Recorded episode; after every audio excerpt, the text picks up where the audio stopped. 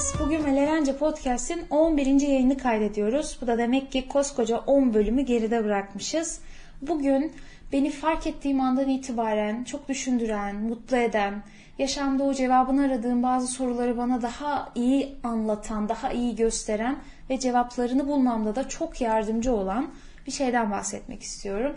Yine bu 2-3 haftadır sürekli kafamda dönen, devamlı gözlemlediğim, dikkat ettiğim bir konu.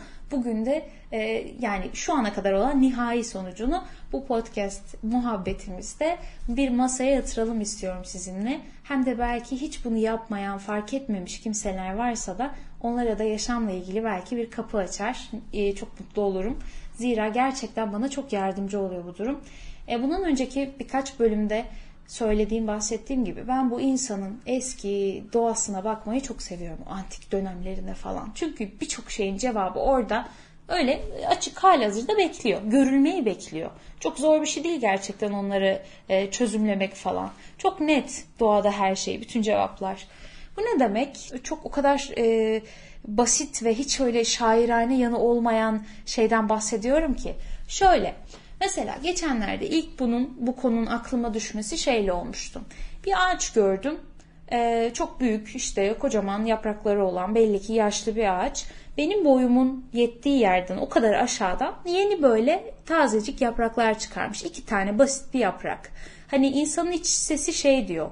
Ya sen zaten koskocaman bir ağaçsın. Şuradan çıkan iki yaprağın sana ne faydası olacak? Hani bir sürü dalın var. Zaten dalların çok yukarıda. Bu kadar aşağıdan yaprak çıkarmak, yeni yaprak hani nedir bunun sırrı? Nedir bunun manası? Nedir bunun sakladığı anlam?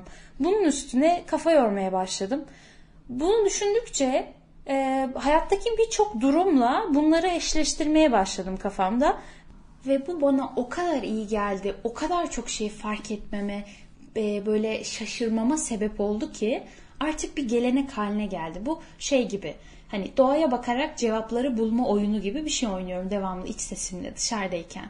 Bu ne demek? İşte bu bahsettiğim ağaç örneğinde mesela bu dedim ne demek olabilir? İşte çok yaşlı, işte heybetli, büyük bir ağaç gördüğümüzde belki bunu artık hani ununu elemiş, eleğini asmış dediğimiz e, böyle çok büyük yaştaki biri olabilir ya da maddi durumu çok yerinde olan biri olabilir. İnsanların o klasik hayallerine zaten ulaşmış biri olabilir. Bu heybetli ağacı böyle profillerle eşleştirebiliriz bizim dünyamızla. E, bu bana şey demek gibi geldi. Ne kadar e, o hayallerine ulaşmış olursan, kendini büyütmüş olursan ol, her zaman yeni bir şey öğrenmeye devam et diyor doğa mesela veya ne kadar büyük olursan ol, ne kadar elinde bir şeyler olursa olsun diğer ağaçlardan, diğer insanlardan daha yukarıda olursan ol, hiçbir zaman yeni bir şeyi öğrenmekten utanma, koca halinle o küçücük yaprakları en altından çıkarmaktan çekinme, bunu göstermekten çekinme ve her zaman gelişmeye, büyümeye devam et. Hiç durma. Hayatta hiç o pause tuşuna basma. Bu demekti benim için bu mesela. Ve çok hoşuma gitti. Bir de insan biraz e, fikirlerine böyle destek arıyor ya psikolojik olarak. Emin olmak istiyoruz yani her şeyden. Bu da e, bana şey duygusu veriyordu. Bak doğanın bile söylediği bu de, demek ki o e, bunun bir kanıtı. Demek ki insan da gerçekten böyle olmalı diyor gibi bir duygu vermeye başladı. Bu çok keyifli bir oyun benim için. Aynı zamanda çok şey öğreten de bir oyun. E, bunu işte bitkiler üstünde uygulayabilirsiniz. E, kuşlar mesela nasıl davranıyor, neler yapıyor, nereye konuyor. İşte çift kuşlar nasıl davranıyorlar birbirlerine. Hani bütün e, şeylere bunlara bakmak. Şunu fark ettim geçen. Çok heyecanlandım şu an aklıma geldi. E, gerçekten doğaya baktığınızda mesela e, nedir o? Yeşil boyunlu, yeşil başlı ördek tipi var ya klasik. Onlar erkek ördekler. Dişi ördekler de böyle yani Allah affetsin kahverengi çirkin süssüz püssüz bir şey. Klasik dişi ördek. Geçen yine bir kuş şeyi e, izliyordum belgeseli. Erkek kuşlar Allah'ım tüylü müylü gösterişti falan. İşte dişi kuş geliyor böyle siyah dümdüz bir şey hani. Hep böyle doğada erkek olan daha süslü, daha gösterişli. İşte mesela aslan o yeleleri olan erkek. Dişi aslan yine dümdüz yelesiz şeysiz bir hani hayvan. Yani biraz da işin esprisi ama ve yine doğada o kuş belgeselinde de aynı şey vardı. hep erkekler e, işte şovlar, danslar bilmem neler yapıp dişiye kendini beğendirmeye çalışıyor. Aslında bu yüzden belki de daha süslüler. Bu yüzden belki de daha gösterişliler. Hani bunu şu anki güncel hayatımıza nasıl uyarlarsanız onu bilemiyorum. Ben sadece argümanı veriyorum. Ama mesela bunu gördüğümde, bunu fark ettiğimde ya hakikaten neredeyse bütün e, dişiler daha gösterişsiz dediğimde diyorum ki heh, burada bir mesaj var. Burada bir şey söylüyor doğa. Ve onun üstüne düşünmeye başlıyorum. O kadar keyifli ki. Çünkü aslında her şeyin e, temelde belli bir manası var, belli bir sebebi var. Eğer e, dediğim gibi nötr şekilde bunu yorumlamadan, kendi görüşünüzü katmadan yani bugüne dek, bu yaşınıza dek öğrendiğiniz şeyleri, o klasik kemik doğrularınızı işin içine katmadan bakarsanız çok nefis şeyler keşfedip görebiliyorsunuz.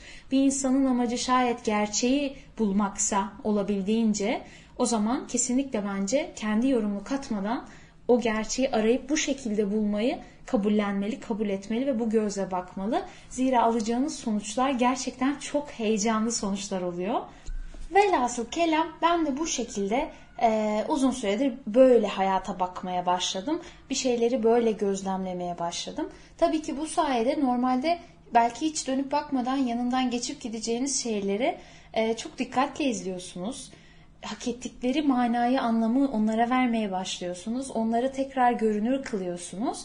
Bu da gerçekten hani hakkını vererek dolu dolu yaşa derler ya. Bence o modda ya da e, oldukça katkı sağlayan bir oyun diyeyim. Öyle bir oyun ki size aslında dediğim gibi sizin de ait olduğunuz, aslında oralı olduğunuz doğadan birçok haber mesajı e, açık açık gösteren, taşıyan bir oyun. Ve dediğim gibi insanoğlu da zaten o doğaya, aynı doğaya özünde ait olduğu için kendinizle ilgili de birçok şeyi görüp özünüze dönebileceğiniz, kendinizi, e, yaratılışınızı daha iyi anlayabileceğiniz bir hale geliyor bu oyun. E, buradan bunları düşünürken bir şey daha fark ettim. Ve bu şey çok hoşuma gitti. Bunu böyle düşünmek beni çok rahatlattı. Zira yine diğer bölümlerde de bahsediyoruz. Özellikle bu sosyal medya, internet artık dünyanın her yerinde hayatın nasıl olduğunu, bizden çok farklı ya da çok aynı yaşayan insanların e, günlük hayatını, yaşantısını, inançlarını, her şeyini görüp dinleyebiliyoruz. Dolayısıyla çok fazla iletişim var. Çok fazla her şeyden haberdarız e, çok fazla gerçek olmayan içerik de var ve artık hangisini nasıl anlamlandıracağız, nasıl ayıracağız birazcık işler karışmış durumda aslında sosyal medyayla. E, bu nedenle insanlar çoğu zaman şey hissediyor. Herhalde dünyada ben tekim. Bunu yapamayan tek benim. Böyle hisseden tek benim. E, dolayısıyla bu bahsettiğim oyun yine doğaya baktığınızda mesela sizin hissettiğiniz gibi hisseden ya da yaşadığınız e, güya tırnak içinde yaptığınız bir hatayı yapan bir sürü kuş görebilirsiniz mesela. Bu ne demek? Yani nasıl bir örnek vereyim bilmiyorum.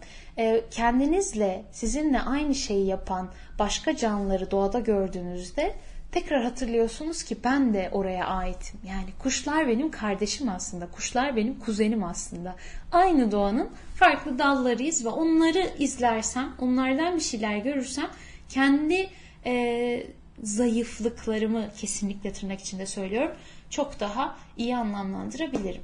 Bunu düşündüğümde e, civcivler geldi aklıma. Ya da işte yumurtadan çıkan kuşlar falan. Civciv üstünden gidelim şunu düşündüm. Mesela bir civciv e, artık büyüyor, aklı erecek hale geliyor öyle diyelim yumurtanın içinde ve diyor ki tamam ben yumurtanın içindeyim.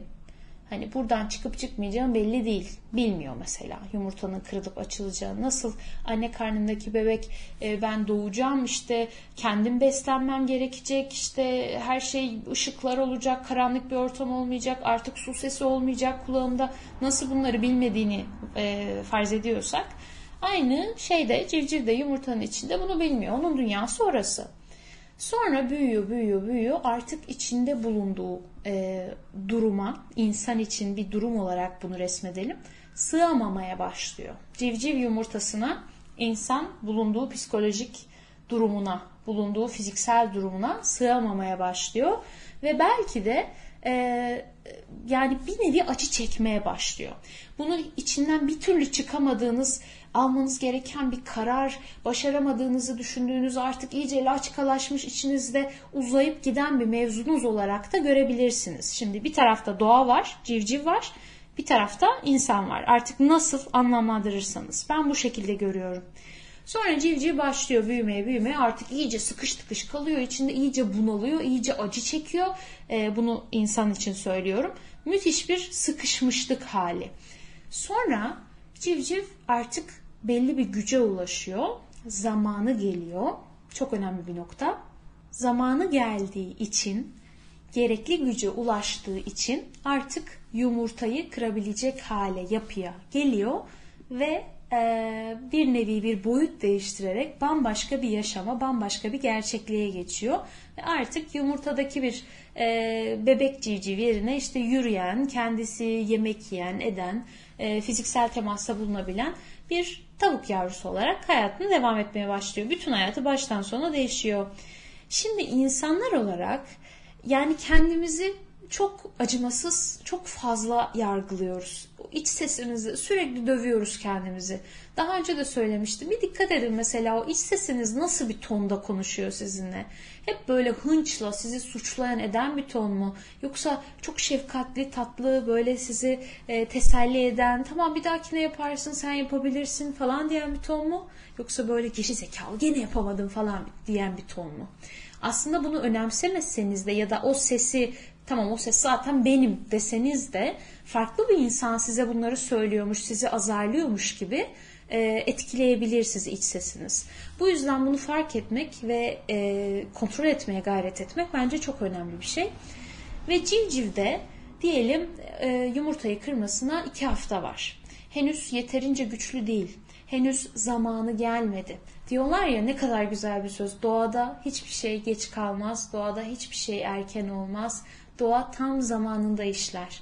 Her şeyin bir zamanı var. Bu söze o kadar inanıyorum ve o kadar gerçek ki zaten tecrübelerimize baktığımızda görüyoruz. Bazı güzel şeyler yanlış zamanda, yanlış anda olduğunda o kudretini, gücünü kaybedebiliyor ya da e, tam kendini gerçekleştiremeyip öyle yitip gidebiliyor. O yüzden doğru zaman, her şeyin zamanında olması gerçekten bizim o aceleci insan doğamıza çok güzel bir ders veriyor aslında. Keşke anlasak, keşke idrak etsek çok daha huzurlu bir ruh alabiliriz o zaman. E, bu yumurta olayı da bana aynı o bahsettiğim huzuru verdi. E, dediğim gibi iki hafta olsun yumurtasını kırmasına civcivin ve şöyle düşünsün civciv. Ya itiyorum biraz sıkışmaya başladım yumurtada sağdan itiyorum soldan itiyorum yok. Bir şey değişmiyor kırılmıyor sıkıştım kaldım burada. İtiyor itiyor kan ter içinde kalıyor. Sonra diyor ki ben yetersizim ben çok güçsüzüm o kadar itiyorum bak 10 gündür itiyorum hala kırılmadı. O kadar böyle canımı yoluma koyarak yapıyorum bütün hıncımla, gücümle, isteğimle yok hiçbir şey olmuyor. Demek ki ben başarısızım. Civciv bunu dese, siz bunu dışarıdan görseniz dersiniz ki ya bekle daha o güce gelmedin. Daha doğru zaman değil senin için. Geleceksin o güce. Yeter ki biraz sabret, yeter ki biraz anla, etrafındaki mesajları değerlendir. Yumurtada nasıl da hala boş yer olduğunu düşün. Oralarda olduğunda iyice güçlendiğinde çok kolay kıracaksın yumurtayı. Her şeyin zamanı var. Bunları söyleriz dışarıdan baksak. Ve biraz da içimiz acır aslında civcivin buna üzülmesine. Çünkü deriz ki ya hani ne güzelsin bak bekle çıkacaksın. Niye kendini hırpalıyorsun zaten olacak olan bir şey için sadece zaman isteyen bir şey için. Bu kadar üzme kendini anın tadını çıkar değil mi? Yumurtanın içinde olduğun son dört gün çıkarsan anın tadını zaten ömrün değişecek deriz. Ama kendimize bunları pek söylemiyoruz. Lakin bizim yaşadığımız durumlarda yumurtadaki civcivin halinden pek farklı değil. Birçok yerde henüz e, tam olarak pişmemişken o kadar çok kendimizi hırpalıyoruz. Hemen başarısız ilan ediyoruz. Hemen yapamadın diyoruz. Kendimizi daha da aşağıya çekiyoruz. Kendimizle olan ilişkimizi bozuyoruz. En kıymetlisi aslında. Dışarıdan biri bize dese ki ya dur, dur ya be bu kadar bu kadar süratli yaşama. Her şeyin zamanı var. Ben sana her şeyi sal bırak hiçbir şey yapma demiyorum. Yine buna emek harca, istediğin şeye emek harca ama vakti olduğunu bil Şu anda bir şeyler olmuyorsa henüz buna hazır olmadığındandır. Henüz senin için zamanın gelmediğindendir. Aylardır, yıllardır tek bir karar vermeye çalışıp onun etrafında dönüyorsan demek ki henüz bu yükü omzuna alacak durumda değilsin demektir. Bekle. Biraz bekle. Her şeyin zamanı var. Ya da aynı şekilde mesela doğada obez bir kuş görmek pek mümkün değil. Ya da e, ki o hayvanların hani yiyeceklerini kendileri buluyor böyle gidip marketten vesaire almıyor. Ona rağmen çok böyle açlıktan ölen hayvanlar görmek de her zaman çok mümkün değil. Belli bir döngü var. Ama en önemlisi e, ihtiyacından fazlasını yiyen hayvan görmek e, bir anormal bir şey. Yani çok olan bir şey değil bu. Dolayısıyla hayvanların aslında ne kadar e, mesela yaşamak için yediğini, tabii ki birebir bu arada aynı olmayabiliriz. İnsanın en nihayetinde duyguları var, aklı var, bir şeyler muhakkak farklılık gösterecektir. Fakat temele baktığınızda bazı e, zamanla yaşadığımız ve yarattığımız bu yeni düzenle e, değişmiş, negatif manada evrimleşmiş özelliklerimizi e, hayvanlara bakarak, doğaya bakarak fark edip, tespit edip belki biraz daha iyileştirebiliriz. Aynı zamanda hep böyle güzel yanlarından, güzel duygulardan bahsediyoruz belki. Ama e, yani negatif duygu demeyeyim de bazen bizi yorabilen bazı duygular da doğada var. Bunu da mesela misal kıskançlık hissettiğimiz anda e, e, kendimizi çok hırpalamaktan ziyade neden böyle hissediyorum işte şöyleyim böyleyim demekten ziyade ya bu doğada var bu bütün hayvanlarda var. Bazı şeyler içgüdüsel, annelik gibi. Bakıyorsunuz küçücük kedi yavrusunu korumak için koskocaman köpeğin üstüne atlıyor. Yani bu çok hani akıl kârı bir şey değil normalde. Ama annelik denen bir güdü var birçok dişide.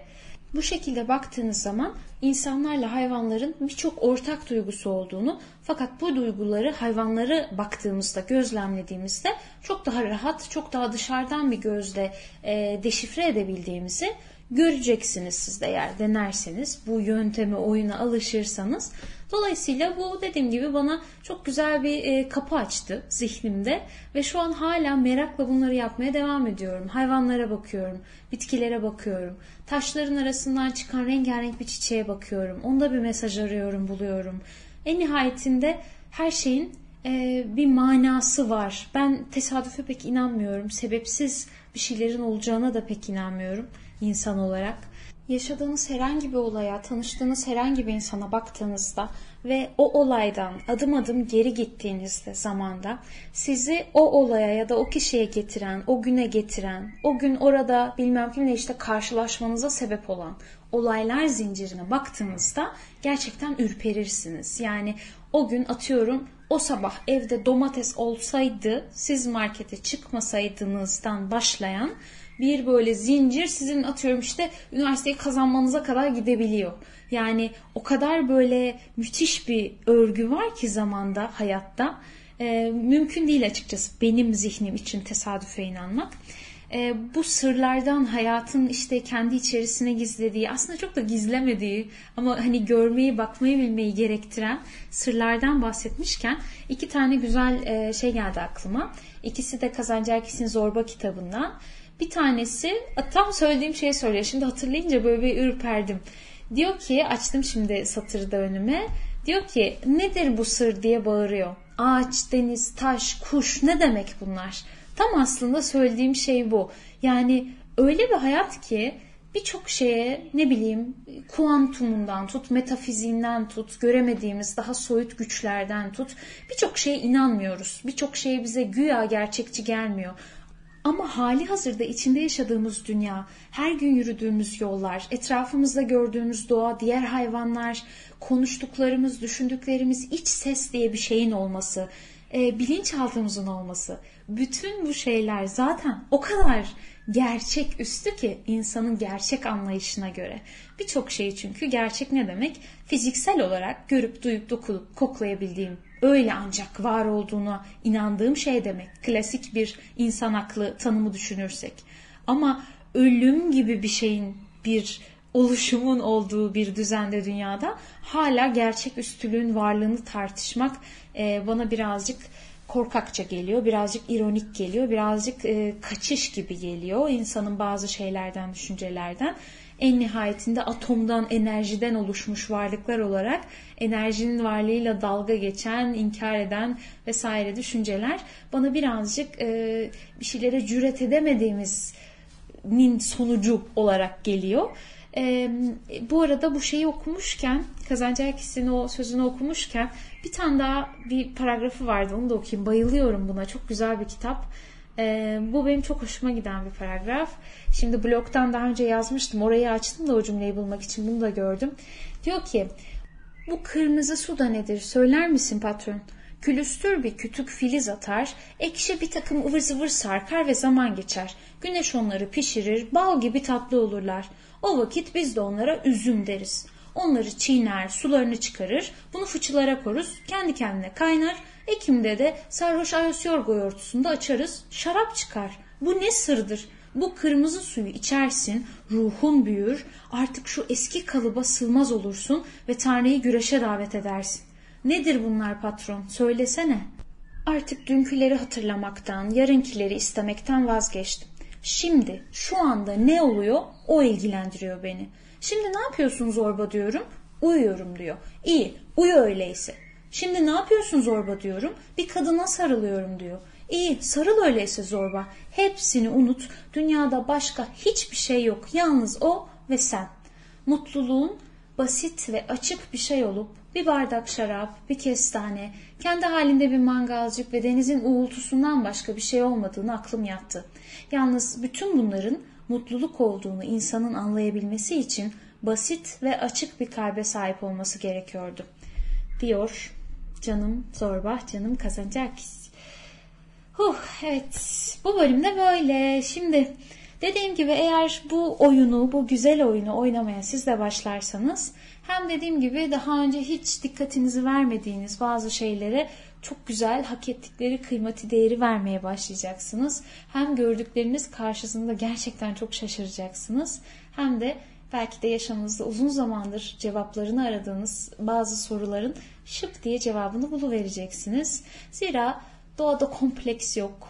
Doğada e, başkalarının ne yaptığıyla ilgilenmek pek yok.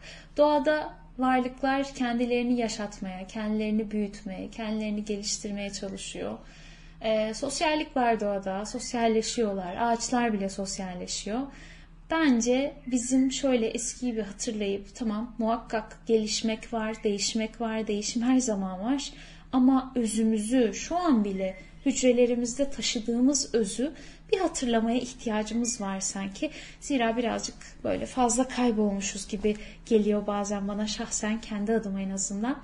Bu nedenle hep doğada olun, doğa hep sizde olsun. Mümkün olduğunca ağaçlara dokunun. Gerçekten gidin dokunun. Çıplak ayakla yere basın. Bunların bir belgesel izlemiştim. İnsan ormanda yürüdüğünde, doğanın ağaçların içinde yürüdüğünde çok farklı ve sadece yani orada salgıladığı hormonlar salgıladığını, insanın içinde hani o e, bazen böyle bir his gelir ya, dejavu değil ama ya bir şey var ben bunu biliyorum ama ne bu? Garip karmaşık bir duygu hissedersiniz.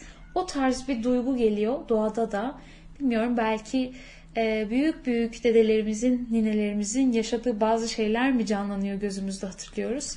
Ama muhakkak doğada birçok sır var ve çok da e, saklanmak için saklanmış sırlar değil bunlar. Gidip görmeyi seçerseniz, birazcık ararsanız orada hali hazırda sizin için bekleyen ve size çok şey söyleyecek olan denizler, ağaçlar, çiçekler, sinekler, kuşlar, her şey dışarıda sizi bekliyor. Dilerim e, bu güzel oyunu siz de oynarsınız. Sizin de alacağınız, keşfedeceğiniz çok şey olur. Teşekkür ederim tekrar beni dinlediğiniz için. Bir sonraki bölümde görüşmek üzere. Hoşçakalın. Kendinize çok çok iyi bakın. Görüşürüz.